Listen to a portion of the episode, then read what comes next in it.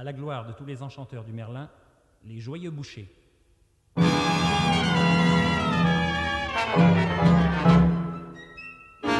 C'est le tango des bouchers de la Villette. C'est le tango.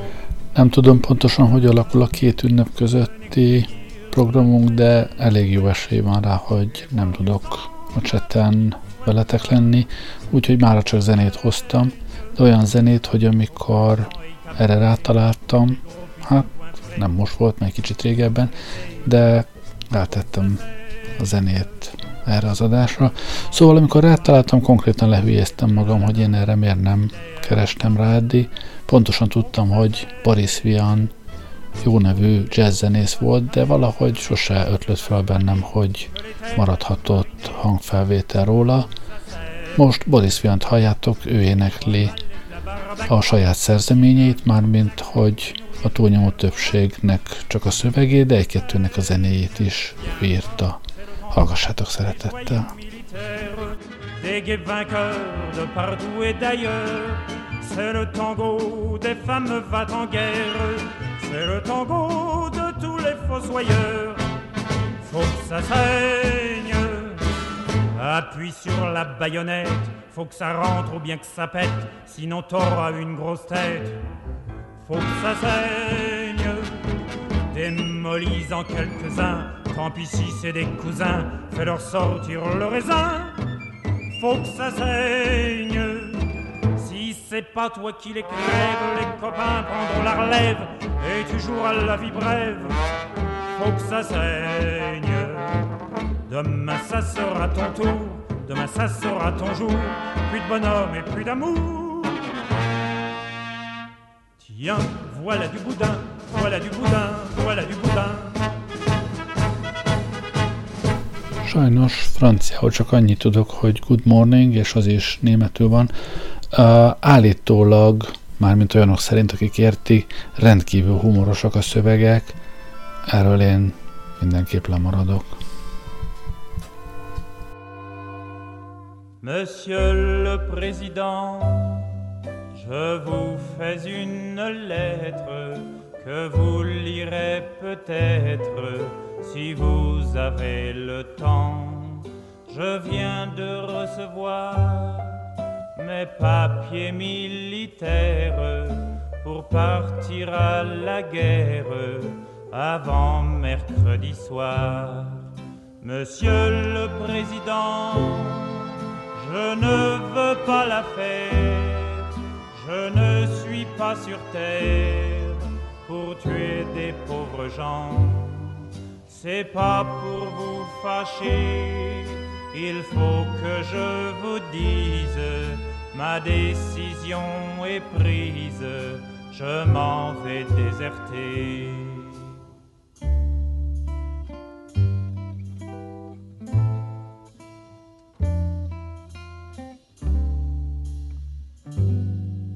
Depuis que je suis né, j'ai vu mourir mon père, j'ai vu partir mes frères et pleurer mes enfants. Ma mère a tant souffert qu'elle est dedans sa tombe et se moque des bombes et se moque des vers. Quand j'étais prisonnier, on m'a volé ma femme, on m'a volé mon âme et tout mon cher passé. Demain de bon matin, je fermerai ma porte au nez des années mortes, j'irai sur les chemins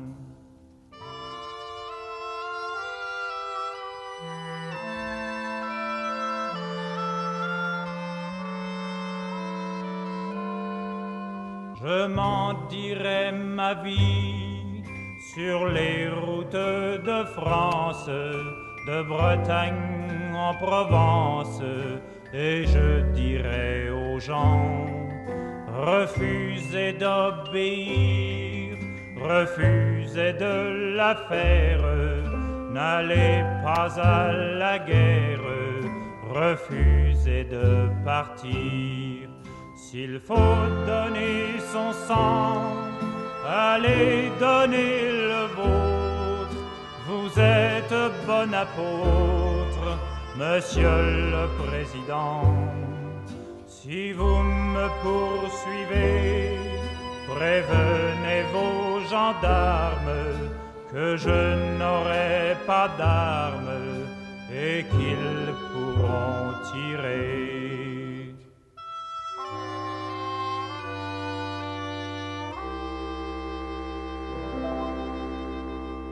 Autorisation spéciale de la commission du même nom, la Java des bombes atomiques.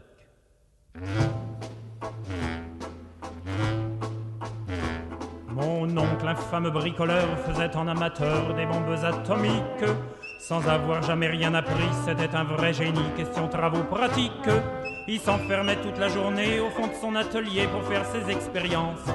Et le soir, il rentrait chez nous et nous mettait en transe en nous racontant tout. Pour fabriquer une bombe à mes enfants, croyez-moi, c'est vraiment de la tarte.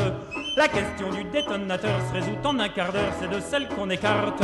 En ce qui concerne la bombage, c'est pas beaucoup plus vache, mais une chose me tourmente, c'est que celle de ma fabrication n'ont qu'un rayon d'action de 3 mètres 50. Il y a quelque chose qui cloche là-dedans. J'y retourne immédiatement.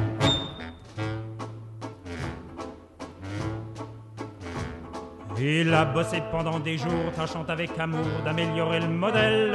Quand il déjeunait avec nous, il dévorait d'un coup sa soupe au vermicelle. On voyait à son air féroce qu'il tombait sur un os, mais on n'osait rien dire. Et puis un soir, pendant le repas, la tonton qui soupire et qui s'écrit comme ça.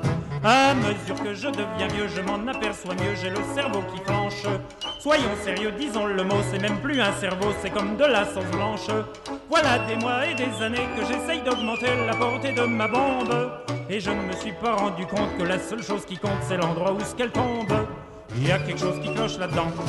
J'y retourne immédiatement.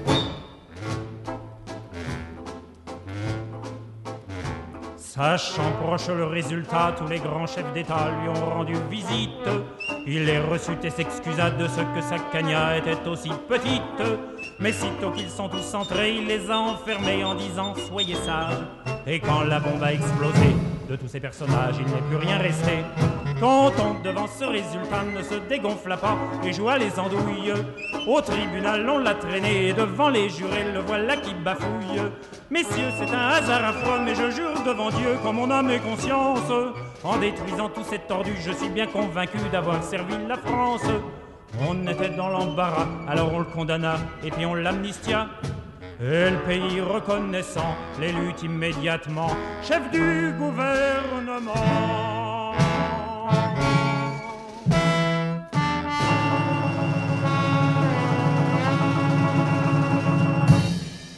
Pour consoler M. Poujade, l'histoire d'un artisan qui a réussi, le petit commerce.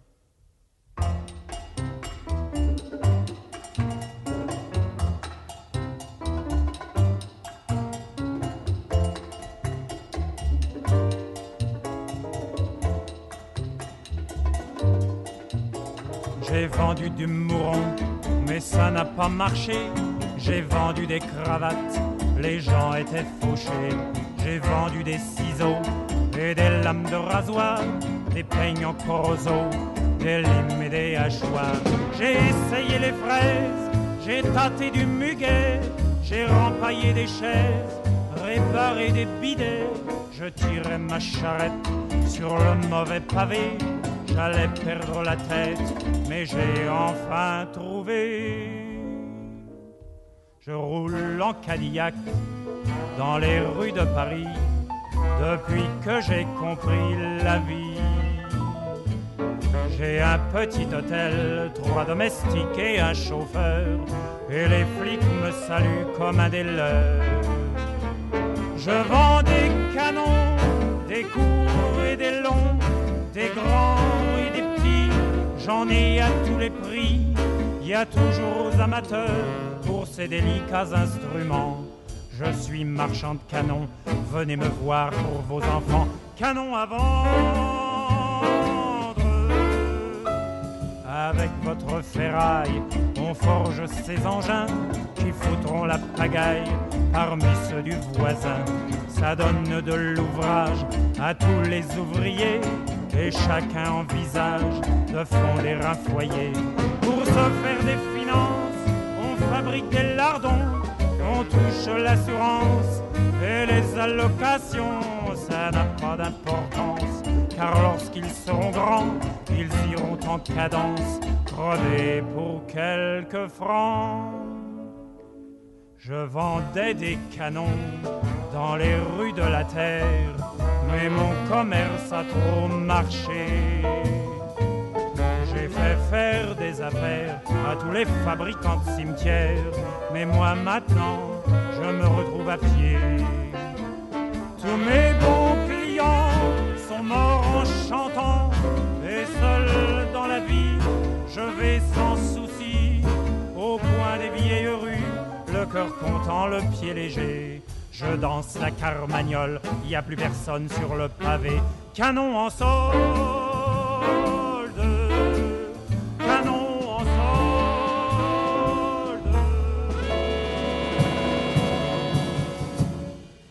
La complainte du progrès.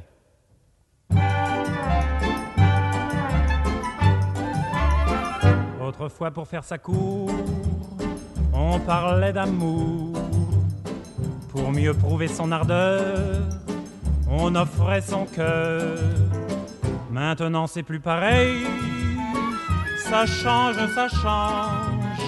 Pour séduire le cher ange, on lui glisse à l'oreille.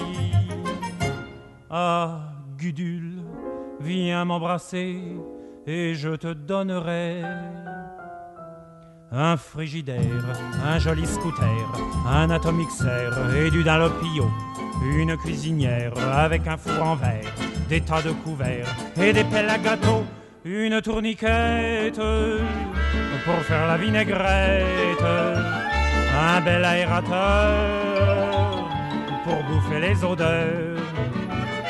Des draps qui chauffent, un pistolet à gaufres, un avion pour deux, et nous serons heureux, autrefois s'il arrivait que l'on se querelle. L'air lugubre, on s'en allait en laissant la vaisselle. Maintenant que voulez-vous? La vie est si chère. On dit rentre chez ta mère et on se garde tout. Ah, Gudule, excuse-toi ou je reprends tout ça. Mon frigidaire, mon armoire à cuillère, mon évier en fer et mon poêle à mazout, mon cire godasse, mon repas solimace, mon tabouret à glace et mon chasse-filou, la tourniquette, à faire la vinaigrette, le ratatine ordure et le coupe friture. Et si la belle se montre encore rebelle, on l'affiche dehors pour confier son sort au frigidaire, à l'efface poussière, à la cuisinière, au lit qui est toujours fait, au chauffe savate, au canon à patates, à les ventres tomates, à l'écorche poulet. Mais très très vite, on reçoit la visite d'une tendre petite qui vous offre son cœur. Alors on cède, car il faut qu'on s'entraide. Et l'on vit comme ça, jusqu'à la prochaine fois. Et l'on vit comme ça, jusqu'à la prochaine fois. Et l'on vit comme ça. Jusqu'à la prochaine fois. Cinématographe.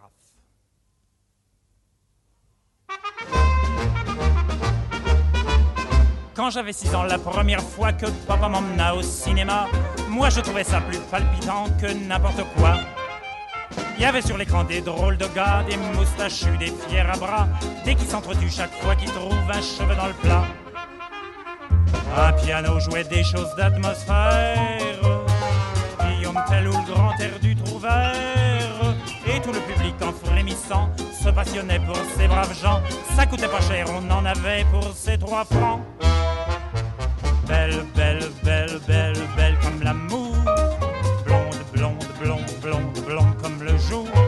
Est passé sur l'écran et dans la salle obscurément, des masses se cherchent, des masses se trouvent timidement. Belle, belle, belle, belle, la revoilà. Et dans la salle, plus d'un corps la voiture où elle se croit en sûreté vient de s'écraser par terre avec un essieu cassé. Le bandit va pouvoir mettre la main sur le fric, c'est tragique, nom d'un chien. C'est fini, tout s'allume. À mercredi prochain.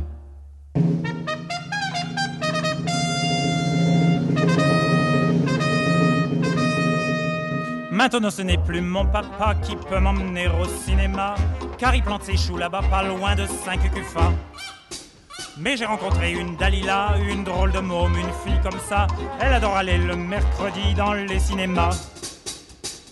Bien sûr, c'est devenu le cinémascope. Mais ça remue toujours et ça galope. Et ça reste encore comme autrefois, rempli de cow-boys sans foi ni loi. Et de justiciers qui viennent fourrer leurs grands pieds dans le plat. Gare, gare, gare, gare, gare, Cooper s'approche du ravin d'enfer. Fais attention, pauvre crétin, car l'âne n'est pas très loin. À 500 mètres, il loge une balle dans un coton de pain.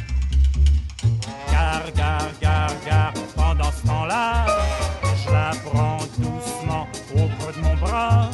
Le fauteuil où elle se croit en sûreté ne m'empêche pas, ma foi, d'arriver à l'embrasser. J'ai pas vu Cigari sort gagnant, mais comme c'est le cinéma permanent, ma chérie, rappelle-toi, on est resté un an et on a eu beaucoup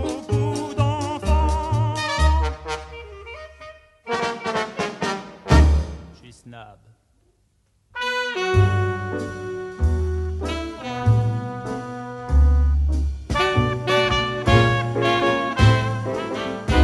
suis snob. Je suis snob. C'est vraiment le seul défaut que je gobe. Ça demande des mois de c'est une vie de galérien.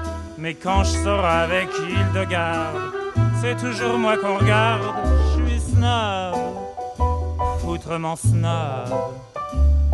Tous mes amis le sont, on est snob et c'est bon. Chemise d'organdi, chaussures de zébu, cravate d'Italie et méchant complet vermoulu. Un rubis au doigt, de pied, pas celui-là, les ongles tout noirs et un très joli petit mouchoir. Je vais au cinéma, voir des films suédois et j'entre au bistrot pour boire du whisky à gogo. J'ai pas mal au foie, personne fait plus ça. J'ai un ulcère, c'est moins banal et plus cher. Je suis snob, c'est bad. Je m'appelle Patrick, mais on dit Bob. Je fais du cheval tous les matins, car j'adore l'odeur du crottin. Je ne fréquente que des baronnes, au nom comme des trombones. Je suis snob, excessivement snob. Et quand je parle d'amour, c'est tout nu dans la cour. On se réunit avec les amis tous les vendredis pour faire des snobismes partis. Il y a du coca, on déteste ça, et du camembert qu'on mange à la petite cuillère. Mon appartement est vraiment charmant, je me chauffe au diamant, on ne peut rien rêver de plus fumant. J'avais la télé, mais ça m'ennuyait, je l'ai retournée. De l'autre côté c'est passionnant, je suis snob. Ah. Suis ravagé par ce microbe. J'ai des accidents en jaguar, je passe le mois d'août au plumard. C'est dans les petits détails comme ça que l'on est snob ou pas. Je suis snob, encore plus snob que tout à l'heure. Et quand je serai mort, je veux un suaire de chez Dior.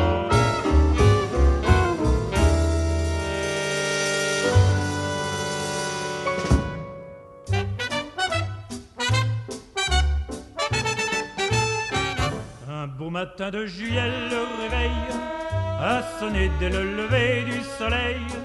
Et j'ai dit à ma poupée, faut te secouer, c'est aujourd'hui qui passe. On arrive sur le boulevard sans retard pour voir défiler le roi Zanzibar. Et sur le champ, on est refoulé par les agents. Alors j'ai dit, n'est pas là pour se faire engueuler, on est là pour voir le défilé. On n'est pas là pour se faire piétiner, on est là pour voir le défilé. Si tout le monde était resté chez soi, ça ferait du tort à la République. Laissez-nous donc qu'on le regarde. Plus tard quand la reine reviendra, ma parole nous reviendra pas. Jour de la fête à Julot, mon poteau, je l'ai invité dans un petit bistrot où l'on sert à Beaujolais vrai de vrai, un hectare de première. On est sorti très à l'aise et voilà que j'ai eu l'idée de le ramener chez moi. Mais j'ai compris devant le rouleau à pâtisserie, alors j'ai dit on n'est pas là pour se faire engueuler, on est là pour la fête à mon pote. On n'est pas là pour se faire assommer, on est venu faire une petite belote. Si tout le monde restait toujours tout seul, ça serait d'une tristesse pas croyable. Ouvre cette porte et sors des verres. Pas ou sans ça le prochain coup. Ma parole, je rentre plus du tout. Ma femme a cogné si fort cette fois-là qu'on a trépassé le soir même et voilà qu'on se retrouve au paradis vers minuit devant Monsieur Saint-Pierre. Il y avait quelques élus qui rentraient, mais sitôt que l'on s'approche du guichet, on est refoulé et Saint-Pierre se met à râler. Alors j'ai dit, on n'est pas là pour se faire engueuler, on est venu essayer l'auréole. On n'est pas là pour se faire assommer, on est mort, il est temps qu'on rigole. Si vous flanquez les ivrognes à la porte, il doit pas vous rester beaucoup de monde. Portez-vous bien, mais nous on se barre. Descendu chez Satan, et en bas c'était épatant, ce qui prouve qu'en protestant, quand il est encore temps, on peut finir par obtenir déménagement.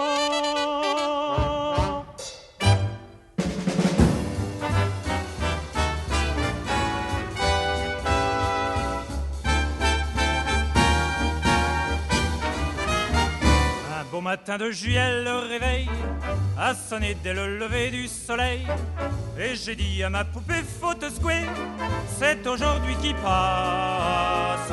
On arrive sur le boulevard sans retard pour voir défiler le roi de Zanzibar. Mais sur le champ, on est refoulé par les agents. Alors j'ai dit, on n'est pas là pour se faire engueuler, on est là pour voir le défilé. On n'est pas là pour se faire assommer, on est venu pour voir le défilé. Si tout le monde était resté chez soi, ça ferait du tort à la République. Laissez-nous donc qu'on le regarde.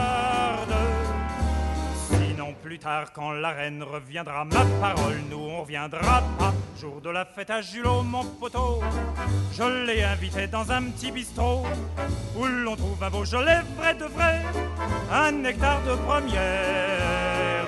On est sorti très à l'aise et voilà que j'ai eu l'idée de le ramener chez moi. Mais j'ai compris devant le rouleau à pâtisserie. Alors j'ai dit, on n'est pas là pour se faire engueuler, on est là pour la fête à mon pote. On n'est pas là pour se faire assommer, on est venu faire une petite belote. Si tout le monde restait toujours tout seul, ça serait d'une tristesse pas croyable. Ouvre cette porte et sors des. Ne t'ostine pas ou sans ça le prochain coup. Ma parole, je rentre plus du tout. Ma femme a cogné si fort cette fois-là. On a trépassé le soir même et voilà. On se retrouve au paradis vers minuit devant Monsieur Saint-Pierre. Il y avait quelques élus qui rentraient, mais sitôt que l'on s'approche du guichet, on est refoulé et Saint-Pierre se met à râler.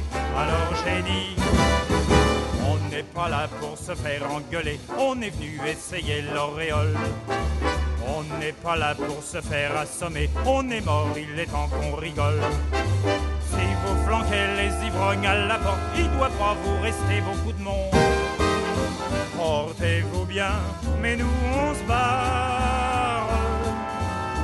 Puis on est descendu chez Satan, et en bas c'était épatant, ce qui prouve qu'en protestant, quand il est encore temps, on peut finir par obtenir déménagement.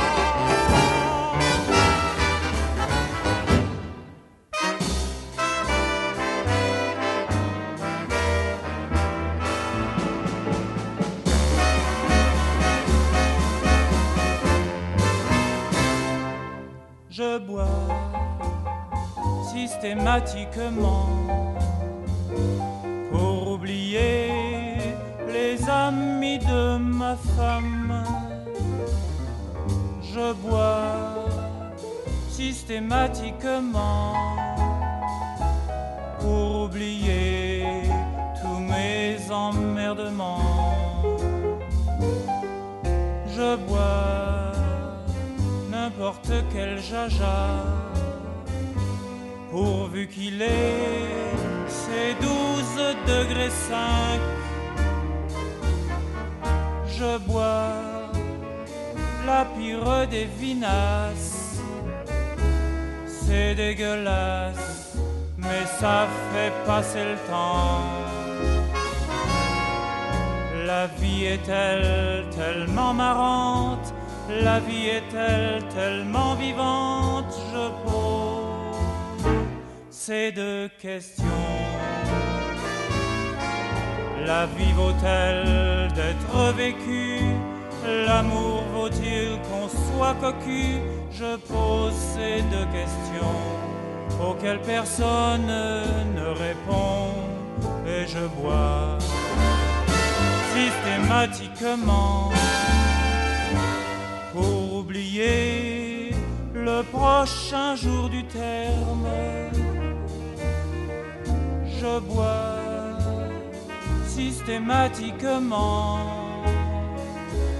pour oublier que je n'ai plus vingt ans. Je bois dès que j'ai des loisirs pour être sourd, ne plus voir ma gueule. Je bois sans y prendre plaisir pour pas me dire qu'il faudrait en finir.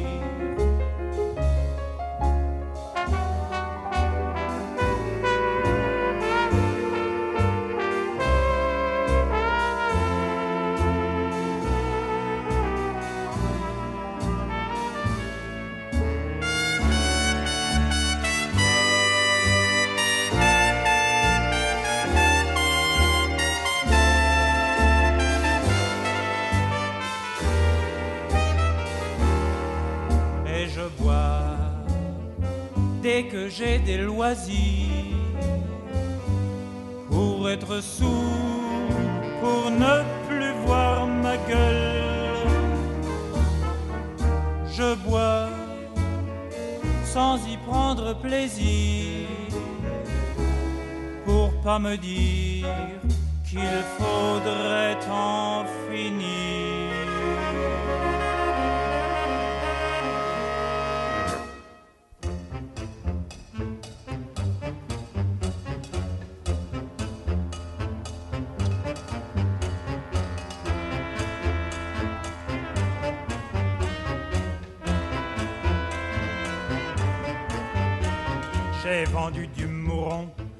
ça n'a pas marché.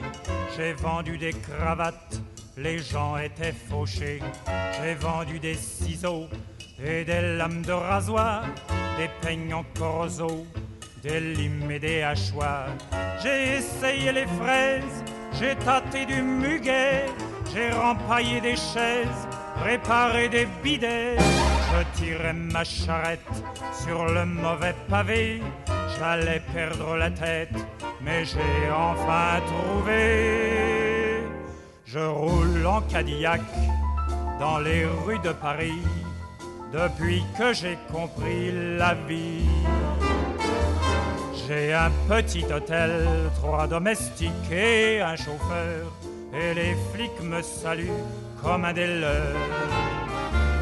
Je vends des canons, des courts et des longs, des grands et des petits, j'en ai à tous les prix. Il y a toujours amateurs pour ces délicats instruments. Je suis marchand de canons, venez me voir pour vos enfants. Canon à vendre. Avec votre ferraille, on forge ces engins qui foutront la pagaille parmi ceux du voisin. Ça donne de l'ouvrage à tous les ouvriers et chacun envisage de fonder un foyer pour se faire des finances on fabrique des lardons, on touche l'assurance et les allocations. Ça n'a pas d'importance, car lorsqu'ils seront grands, ils iront en cadence, crever pour quelques francs.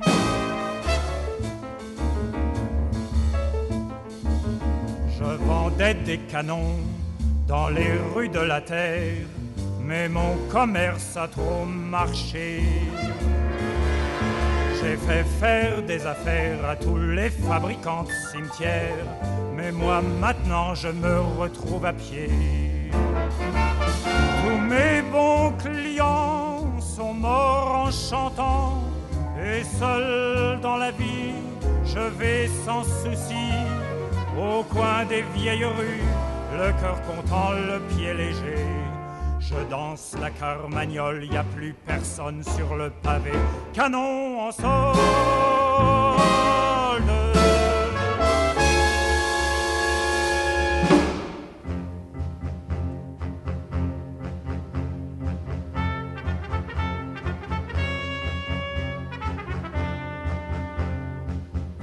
Elle s'appelle Marie-France, elle a tout juste 20 ans et elle vient d'épouser un inspecteur des finances, un jeune homme très brillant qui a beaucoup d'espérance, mais depuis son mariage, chacun dit en la voyant, bourré de complexes, elle a bien changé.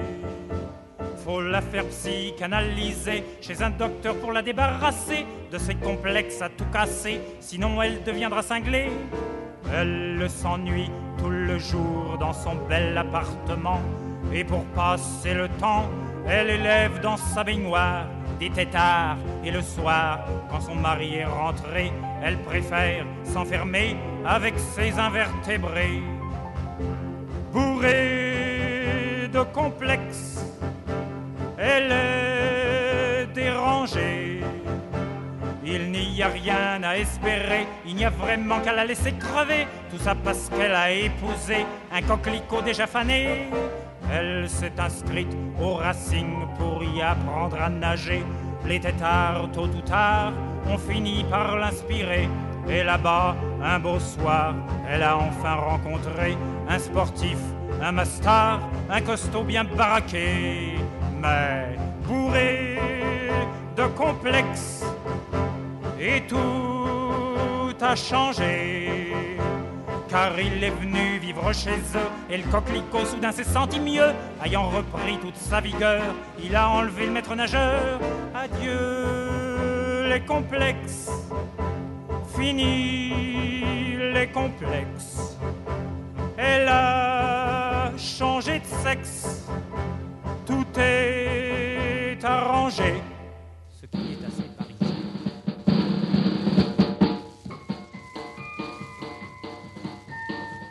Dans sa série d'émissions sur le jazz au quartier latin, le crève d'essai de la radiodiffusion française vous présente aujourd'hui l'orchestre du tabou. Ah, si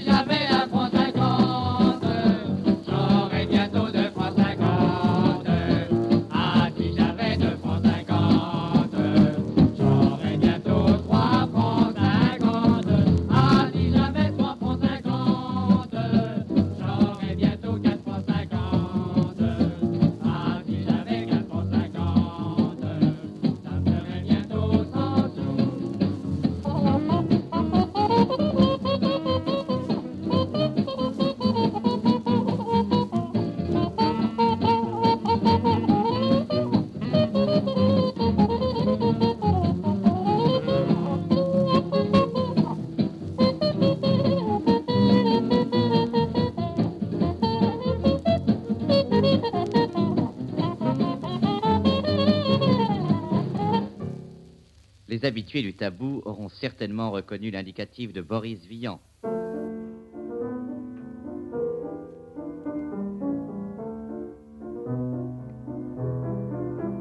Barcelone, des pavés, du soleil, des visages, un été plein d'images et de fleurs. Barcelone, dans le port, un bateau qui s'amarre, le bourdon des guitares et mon cœur. J'ai revu cette rue sous le ciel de septembre. J'ai revu la fenêtre grillée de sa chambre. Jour trop court, le vent chaud caressait nos visages. Et l'amour nous jetait des étoiles au passage. Barcelone, souvenir de nos nuits haletantes d'un été qui me hante. Barcelone.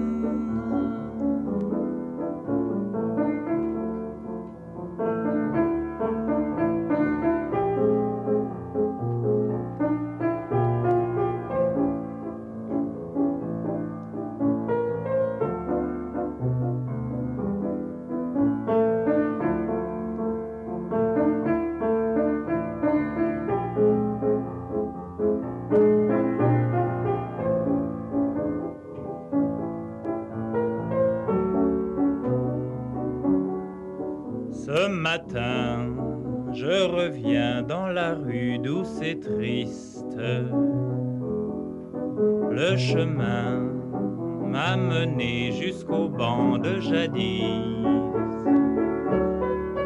Et soudain, te voilà, c'est bien toi, rien n'existe.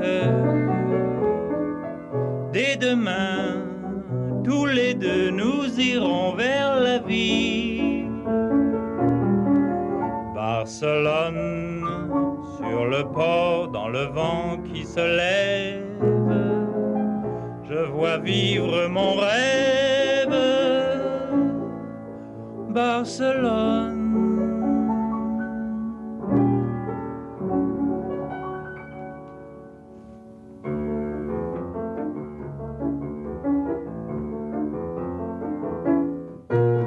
À la pêche des cœurs, je ne veux plus aller. Je ne veux plus ma mère. Y en a trop de douleur quand l'amour s'envolait. Et de ces pauvres gars qui pleurent. Ma cocotte, elle est partie avec un vilain bonhomme. Je suis seul toute la nuit. Pas possible faire un somme. À la pêche des cœurs, je ne veux plus aller. Je ne veux plus ma mère. Y en a fini bonheur quand l'amour s'envolait et laissait larmes amères. Au bistrot d'oncle Fernand, c'est le calypso qui commence. Je vais passer un instant, mais je resterai sur mon banc. À la pêche des cœurs, je voulais plus aller.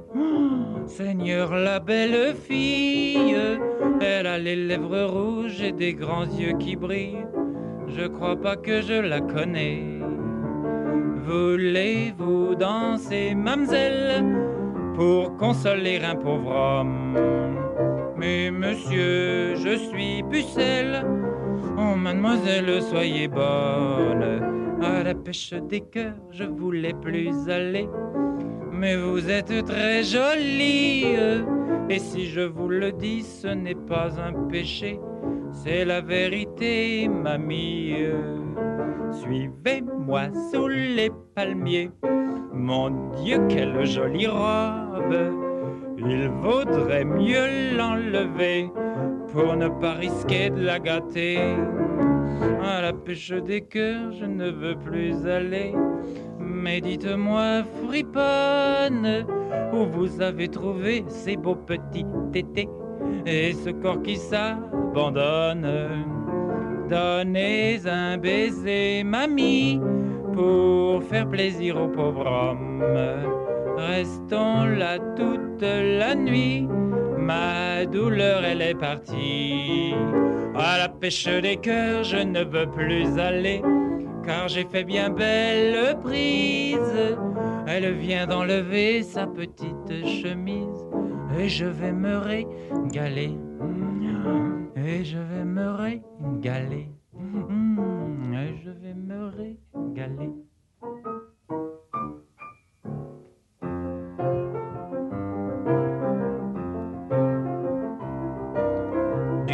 Soir au matin, sous le soleil qui tue, dans un port lointain, je travaillais, je suis tout près des gros cargos qui s'en vont là-bas sur l'eau. J'ai trop de boulot. Toute la journée je m'esquinte pour te payer des chapeaux neufs qui me donnent plutôt envie d'être veuf, mais qui produisent un effet bœuf. Sur les ballots, j'ai trop de boulot. Je veux pas t'accabler de mes plaintes. Mais si ça continue comme ça, je ne pourrai pas faire de vieux os et t'iras planter des dahlias sur mon caveau. Du matin au soir, devant l'alcool qui tue, chez Jojo le Noir, avec toi ma censure, je danse des calypsos en te caressant le dos. J'ai trop de boulot, toute la nuit méchante femme. Tu m'accables de tes baisers, de tes caresses forcenées, de ta tendresse à 100 degrés. Laisse-moi faire dodo, j'ai trop de boulot. Et tes propositions infâmes me rendent tout à fait idiot. Fini, meurtri, vidé, dingo. Arrête sans ça, t'auras ma peau. J'ai trop de boulot.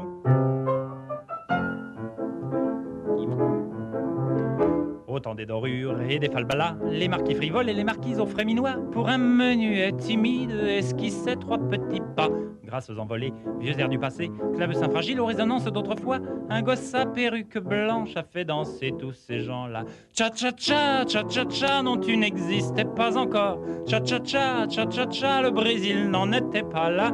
Douce mélodie qui fit cent fois le tour du monde et que Mozart a négligé d'agrémenter de quelques cha-cha-cha sur ton rythme gai danser les brunes et les blondes en oubliant le temps bien proche ou bien noter vos petits doigts. Cha-cha-cha, cha-cha-cha, c'est votre vieille marche turque. Cha-cha-cha, cha-cha-cha, venez marquise, écoutez ça. Tout près d'Istanbul, sous les pergolas, tous les jeunes turcs s'en vont danser le cha-cha-cha. Et la fraîche odeur des roses vient parfumer leurs ébats. Sous le ciel troublant des nuits de gala, quand un beau danseur serre une fille entre ses bras, dans les yeux de sa compagne, il sait ce qu'il trouvera. Cha-cha-cha, cha-cha-cha, ce gai refrain qui nous enivre. Cha-cha-cha, cha-cha-cha, et qui jamais ne finira. Que ce soit Rio, Paris, New York et Dardanelles, on ne peut résister longtemps quand on entend venir cha-cha-cha, rythme tropical aux senteurs d'ambre et de cannelle, emporte-nous bien loin de tout dans l'allégresse et dans la joie. Cha-cha-cha, cha-cha-cha, nuits étoilées sur le Bosphore, cha-cha-cha, cha-cha-cha, drôle de truc turc que ce truc-là. Cha-cha-cha, cha-cha-cha, ah non vraiment, on n'est pas fort. Cha-cha-cha, Mozart ne méritait pas ça, mais faut bien vivre.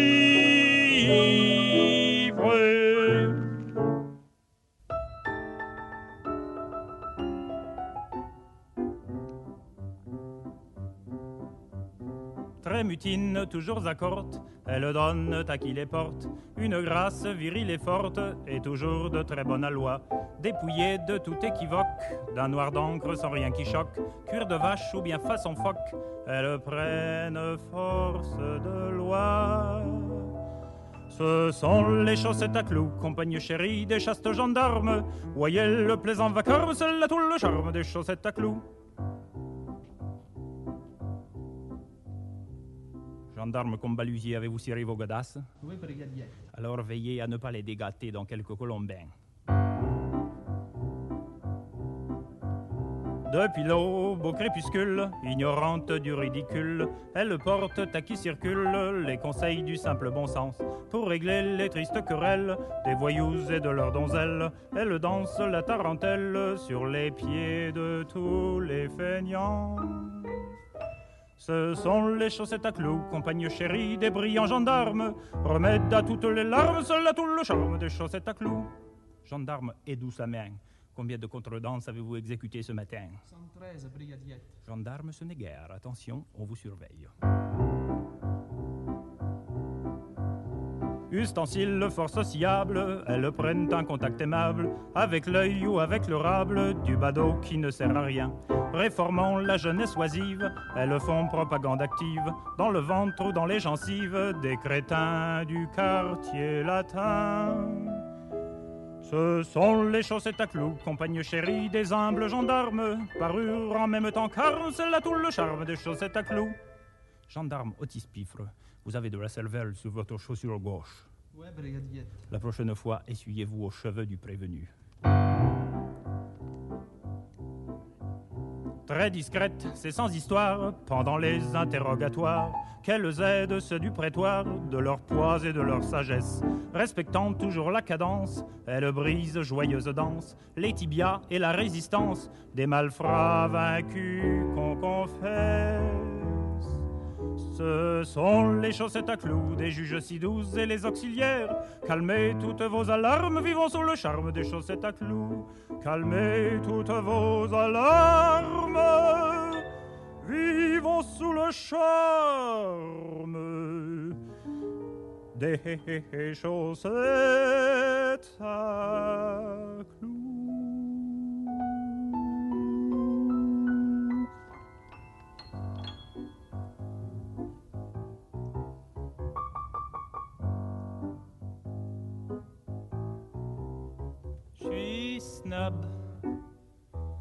Suis snob. C'est vraiment le seul défaut que je gobe. Ça demande des mois de turbin, c'est une vie de galérien. Mais lorsque je sors à son bras, je suis fier du résultat. Je suis snob, je suis snob. Tous mes amis le sont, on est snob et c'est bon. Még három szám van hátra, de én már elbúcsúzom. A következő három számban már nem Vian énekel. Az első, amit még hallottok, az egy olyan szerzemény, aminek a zenéjét és szövegét is ő írta, és um, az utána következő kettő pedig olyan, ahol Bian nem énekel, hanem trombitál. Hát, köszönöm, hogy velem voltatok ma este, illetve hát, hogy itt voltatok. Jó éjszakát kívánok, Gerlei Rádiózott. Dernier soleil, dernier atout, dernier café, dernier sou. Adieu, je m'en vais de Dernier hôtel, dernier amour, dernier baiser, dernier jour. Adieu les choses que j'aime. Dernier remords, dernier cafard, dernier décor, dernier soir. Je m'en vais sans eau.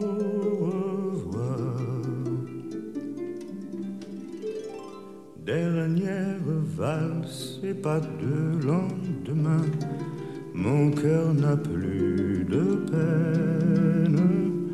Dernière valse à l'odeur de jasmin et les quais de la Seine. Dernier bonsoir, un peu à vous, dernier espoir dernier tout, Dormez la nuit si calme. Dernier trottoir, dernier mégot, dernier regard, dernier saut, plus rien qu'un mot.